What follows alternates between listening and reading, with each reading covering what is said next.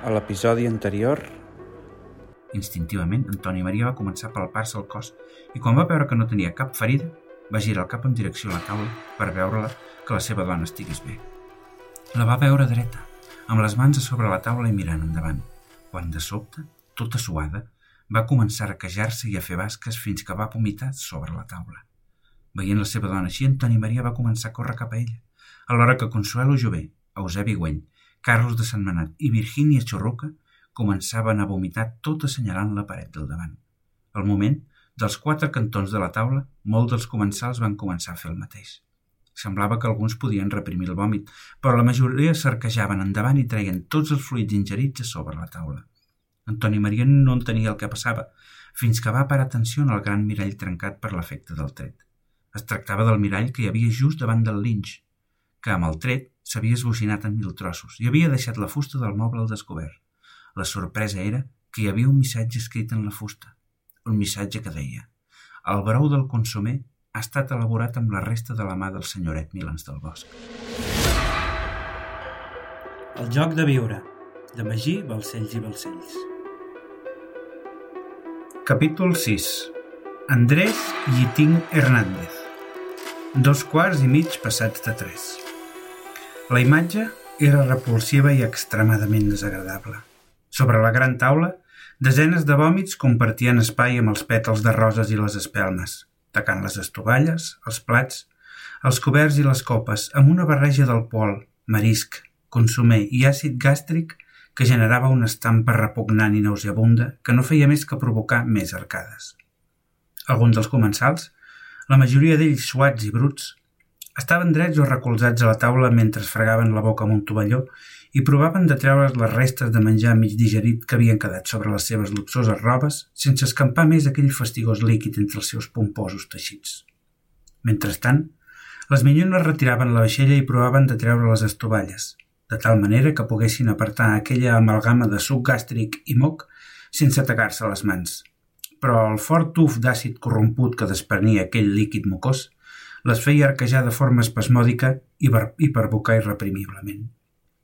Aquests fills de puta són uns sàdics, va dir Joan Antoni Güell, observant la taula.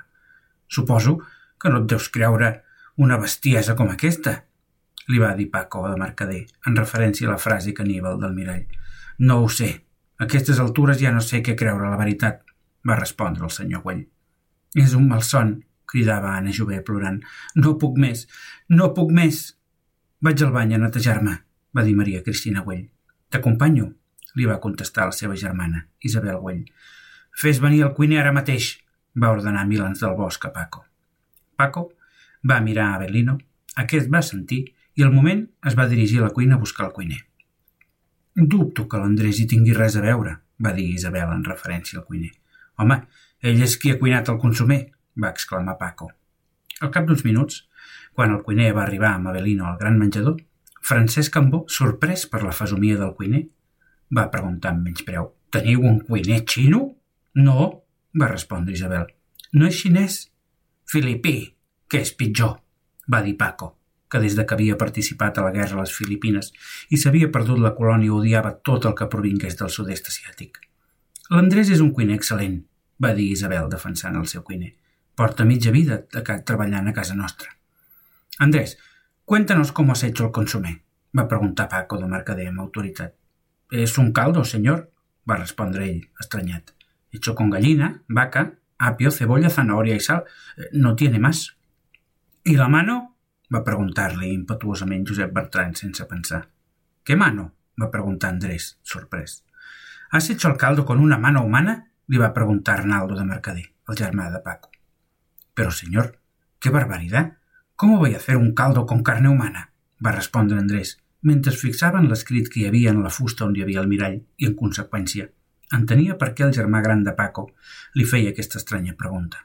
No van a creer-se l'animalada que està ahí escrita. Sap llegir en català? va dir Francesc Cambó, imbuït de prejudicis. Clar que sé llegir en català, he crescut aquí, va contestar Andrés, enfadat. I el parla i tot? va deixar anar a Cambó. Unes senyores con pistola nos tienen aquí encerrados, va cridar Josep Bertran de forma impertinent Andrés.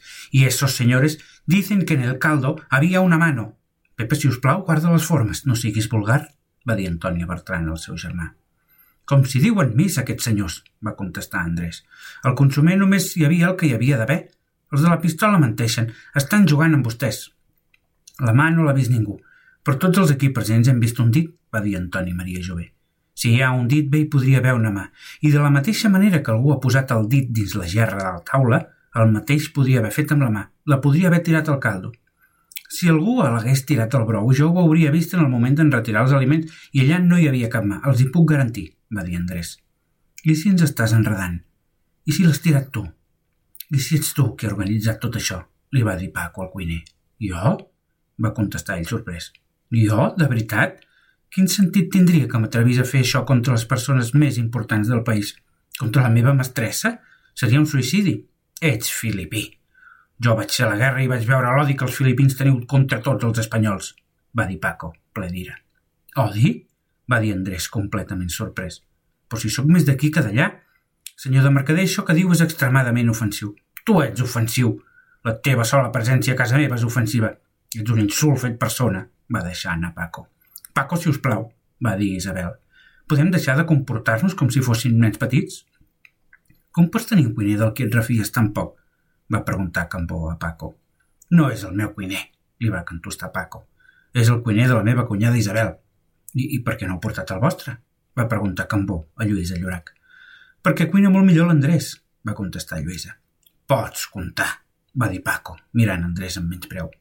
Si hagués volgut fer-los alguna cosa, si suposadament m'hagués volgut venjar, vés a saber de què, no m'hauria esperat tant i no hauria passat del primer plat. M'hauria estalviat tantes hores de cuina, colla d'ingrats, una mica de cianur sobre les ostres i llestos, va deixar en Andrés, que ja n'estava fins al cap damunt de tanta acusació. I vostè hauria estat el primer, va dir mirant a Paco. Andrés! va cridar Isabel. Per l'amor de Déu! Puto filipí de merda! va exclamar Paco. Disculpin, va dir Andrés, dirigint-se als comensals. Em sap greu, mai acostumo a perdre els nervis, però és que no tolero que m'acusin d'alguna cosa que no he fet. Els responsables de tot això, els únics responsables, són els de les pistoles, no jo i els puc garantir que no hi havia cap mal brou. Com em pot estar tan segur? li va preguntar Consuelo Jové. Perquè no m'he mogut de la cuina en cap moment, va contestar Andrés. A més a més, ho he elaborat tot jo. En el suposat cas que algú hagués posat una mala brou, ho hauria notat, sense lloc a dubte. Provo tot el que cuino i, i més abans de servir-ho. Ens en podem refiar, Isabel? va preguntar Clotilde Ricard. Sí, per descomptat. Ja us he dit que l'Andrés porta mitja vida servint a casa, va contestar Isabel. Andrés Yiting Hernández era un home de 46 anys, d'origen filipí. Més aviat baix, prim, rialler i sobretot treballador. Molt treballador. Havia nascut a Manila el 1877, quan Filipines encara era una colònia espanyola, explotada i completament sumida en la misèria. Malgrat que la seva era una història trista i plena d'infortunis, Andrés no perdia mai el somriure ni l'alegria, i per dures que fossin les circumstàncies, mai li faltava el sentit de l'humor. Potser precisament el fet d'haver tingut una infància tan dura era la causa principal que sabés distingir perfectament què era important i què no. Així, a diferència de la resta, que tot sovint es preocupaven extremadament per simples banalitats sense importància, Andrés no perdia el somriure mentre continués tenint salut i un plat a taula. Nascut en el barri més humil de Manila, els seus pares i els seus germans van morir víctimes del còlera quan ell comptava només sis anys i no va tenir més remei que sobreviure com va poder. En aquestes condicions, ràpidament va aprendre a buscar-se la vida, sense temps per lamentar-se, fins que, un dia, fruit de l'atzar i la desesperació, en un acte de valentia es va infiltrar com a polissó en un vaixell de la Companyia General de Tabacos de Filipines i va viatjar fins a Barcelona per abandonar la misèria de Manila i millorar les seves condicions de vida. L'empresa tabacalera, fundada pel marquès de Comilles a Barcelona, explotava les plantacions de tabac a Filipines i les transportava a Europa pel seu comerç posterior. Així, aprofitant aquest fet, el petit Andrés va fer cap a Barcelona, on després de conviure uns mesos al carrer, va acabar a la Casa de la Caritat, una institució de la Diputació de Barcelona destinada a tasques assistencials i de beneficència per reduir la misèria a la ciutat. Es tractava d'un hospici enorme, que ocupava més de dues hectàrees d'edificis al vell mig de Barcelona, al barri xino, i que comptava amb tants serveis entre els seus murs que funcionava de manera autosuficient, una petita ciutat autònoma dins de la ciutat amb 3.000 persones que conformaven una peculiar comunitat. Andrés havia crescut allà i, malgrat que no es podia comparar a l'estima i amor que va sentir amb la seva família en els primers anys de vida, els quals ja recordava amb molta dificultat a aquestes altures, sens dubte la Casa de la Caritat era un lloc de què en guardava un gran record. Havia estat allà on l'havien escolaritzat, on havia après a llegir i escriure, on havia après castellà i català, on havia fet els primers amics, on s'havia enamorat per primera vegada i on havia après a cuinar. Com a casa de beneficència, l'hospici es finançava mitjançant el servei de trasllats de cadàvers al cementiri i el servei d'impremta provincial, però a més a més feia nombrosos tallers per ocupar i ensenyar els seus asilats.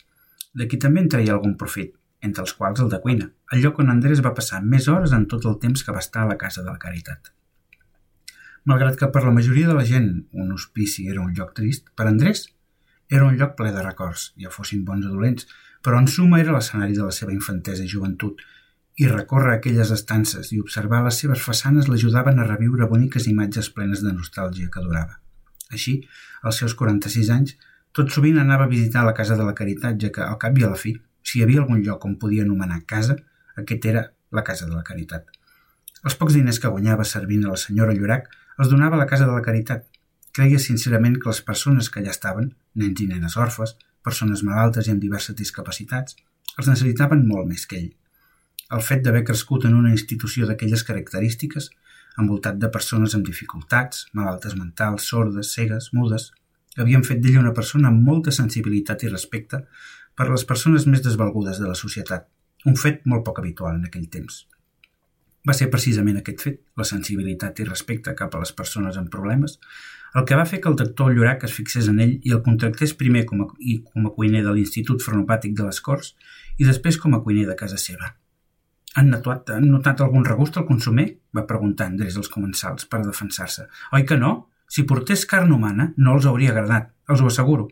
Què sabràs tu? va dir Paco amb indiferència. Perdoni, però em dedico a la cuina fa més de 30 anys, va dir Andrés amb autoritat. Podria dir-li els ingredients de qualsevol plat només olorant-lo. Pots comptar, va deixar a Paco amb menys preu. Home, s'ha de dir que la sopa estava molt bona, va dir Carme Estruc.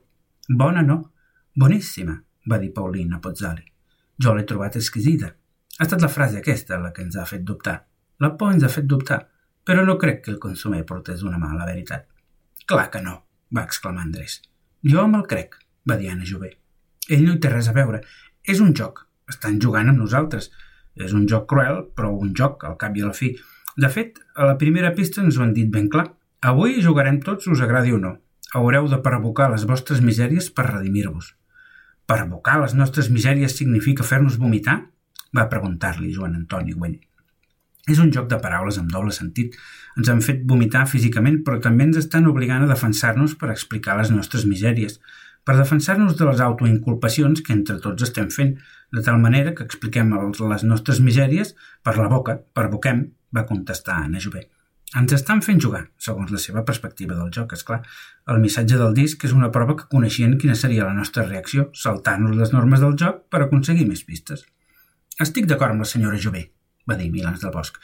I quan abans acabem amb aquest joc, millor. Així que, va dir mirant Andrés. No pretendràs que seguim menjant després d'això? Va dir Maria Carbonell. A mi no m'entra res, va dir Anna Jové. Doncs jo, després de quedar amb l'estómac buit i de constatar que la frase és una mentida, m'ha tornat la gana, va dir Matías Muntades. No hi he menjat res des de l'esmorzar i les dues ostres i les tres cullerades de consomer les he vomitat. Eh, estic mort de gana. A més a més, amb la panxa plena podrem rumiar millor. A mi se m'ha estroncat la gana, va dir Antoni Maria Jové. Em sembla que no tenim opció, va dir Milans del Bosc. Si volem sortir d'aquí, hem de seguir menjant. Però les estovalles estan brutes i no en tenim més de netes, va dir Isabel Llorac, mentre arribaven les germanes Güell del lavabo, netes i polides. Quina importància té això ara? va exclamar Milans del Bosc. Doncs sense estovalles. Abelino, serveixin el següent plat. Abelino va mirar la senyora Isabel i aquesta va sentir. Andrés, prepari el següent plat, va dir Abelino. I faci venir les minyones, va dir-li Lluís Llorac. El terra encara està ple de vidres de la làmpara i el mirall. Que ho escombrin, algú ho podria prendre mal. Així que doneu per descomptat que continuem jugant, va preguntar el cardenal Vidal i Barraquer. Jugant? va dir Bertran i Mosito. Jugar no és que hi hagi dues persones armades i que ens retinguin contra la nostra voluntat, posin dins de gerres, ens disparin, amenacin i ens facin vomitar. Per descomptat. Des del nostre punt de vista, no, però des del seu potser sí, va contestar Maria Cristina Güell és algú que ens coneix i que gaudeix amb el nostre patiment. Qui tindria un motiu per fer tal atrocitat? va preguntar Edith de llaurador. Algú que envegi la nostra posició econòmica, va dir Arnaldo de Mercader. Així pot ser qualsevol. Som els més rics del país, va replicar Joan Antoni Güell. Qualsevol no, va replicar Maria Cristina Güell al seu germà. Només pot ser algú que tingui accés al castell. Què insinues? li va preguntar Isabel Llorac, molesta. Per deixar un missatge escrit dins d'un moble, un missatge amagat darrere un gran mirall, i per fer un forat al sostre al mateix lloc on hi havia una gran làmpara, s'ha de tenir temps i força, però sobretot accés al castell, oi? va dir Maria Cristina Güell. Per descomptat ha de ser algú que conegui el lloc i que hagi pogut estar llargues estones aquí. Estàs insinuant que tot això és cosa nostra? va dir-li Lluïsa Llorac tot alçant-se de la taula, enfurismada. Tot apunta cap aquí, va dir Maria Cristina Güell. Els únics que teniu la clau, el temps i els mitjans per fer-ho sou vosaltres. No, de fet nosaltres no som els únics que tenim les claus, va dir Paco de Mercader, desconcertant a tots els presents. El castell ha estat en obres durant els últims mesos i resulta que els paletes van perdre unes claus, o això és el que ens van dir ells, és clar. Com? va dir Joan Antoni Güell. Els paletes no et van tornar les claus? No, segons ells les van perdre, va respondre Paco, mirant el comte de Güell amb desconfiança. De veritat pretens que ens creguem això, Paco? va dir Lluís Ferrer Vidal. Què collons han de saber uns paletes? Els paletes sabien que celebraríem un banquet a final d'estiu? De veritat penses que ens creurem que no heu notat res en tot l'estiu? Us ho juro, us ho juro per Espanya, va dir Paco. Escoltant el jurament de Paco i coneixent les seves conviccions i religiositat, la majoria dels allà presents van donar credibilitat a les seves paraules. No hem estat aquí tot l'estiu, va dir Paco, mentre les minyores començaven a escombrar. Jo i la meva senyora vam estar dues setmanes a Barcelona a finals de juliol per anar al metge. I la meva cunyada Isabel i tot el servei també vam anar a Barcelona per comprar, per preparar el banquet. Bé podria ser que en aquell temps algú hagués entrat al castell. Qui? va preguntar Cambó. Potser algú que no té tan clar com vostè quina és la prioritat política en aquests moments, va replicar Paco. Algú que posa el catalanisme per davant de l'ordre. Davant l'acusació, diversos membres de la Lliga Regionalista van mirar-se entre si, estranyats. Anem a pams, va dir Maria Cristina Güell. Però no has dit que qui et van robar les claus eren els paletes? Precisament, va dir Paco. Quan vam arribar al castell per l'estiueig, just per Sant Joan, els paletes encara no havien acabat les obres i van continuar aquí fins a mitjan juliol, coincidint amb el moment que van marxar a Barcelona. Resulta que, com sabreu, les cartes d'invitació les vam enviar just per Sant Joan. Doncs bé, quan van acabar les obres, un dia abans que nosaltres retornéssim tots a Barcelona, els paletes em van dir que havien perdut les claus. Van tenir temps per buscar-les durant un dia, ja que l'endemà havíem de marxar. Quan vam arribar a l'agost, dues setmanes després, les claus encara no havien aparegut, però resulta evident que en aquest temps algú havia entrat al castell i havia fet coses amb la làmpara i el mirall. Però els paletes sabien alguna cosa respecte del banquet? va preguntar Antoni Maria Jové. Per part nostra no, però qui sap? va deixar anar Paco. Vam enviar les invitacions quan ells encara eren aquí. Vols dir que podrien actuar a les ordres d'algú? Algú d'aquesta taula? va preguntar Josep Bertran. No eren de confiança aquests paletes? va preguntar Maria Cristina Güell. Bé, de fet, a priori sí. Tenien una experiència sobradíssima. No són de la zona, però venien recomanats per una persona de digna credibilitat, com a mínim fins a aquell moment, va dir Paco. Quina persona? va preguntar Maria Cristina Güell. Doncs me'ls va recomanar el teu germà, va respondre Paco, mirant a Joan Antoni Güell. Com? va respondre ell amb sorpresa. Tothom va girar el cap en direcció al senyor Joan Antoni Güell. El joc de viure, de Magí, Balcells i Balcells.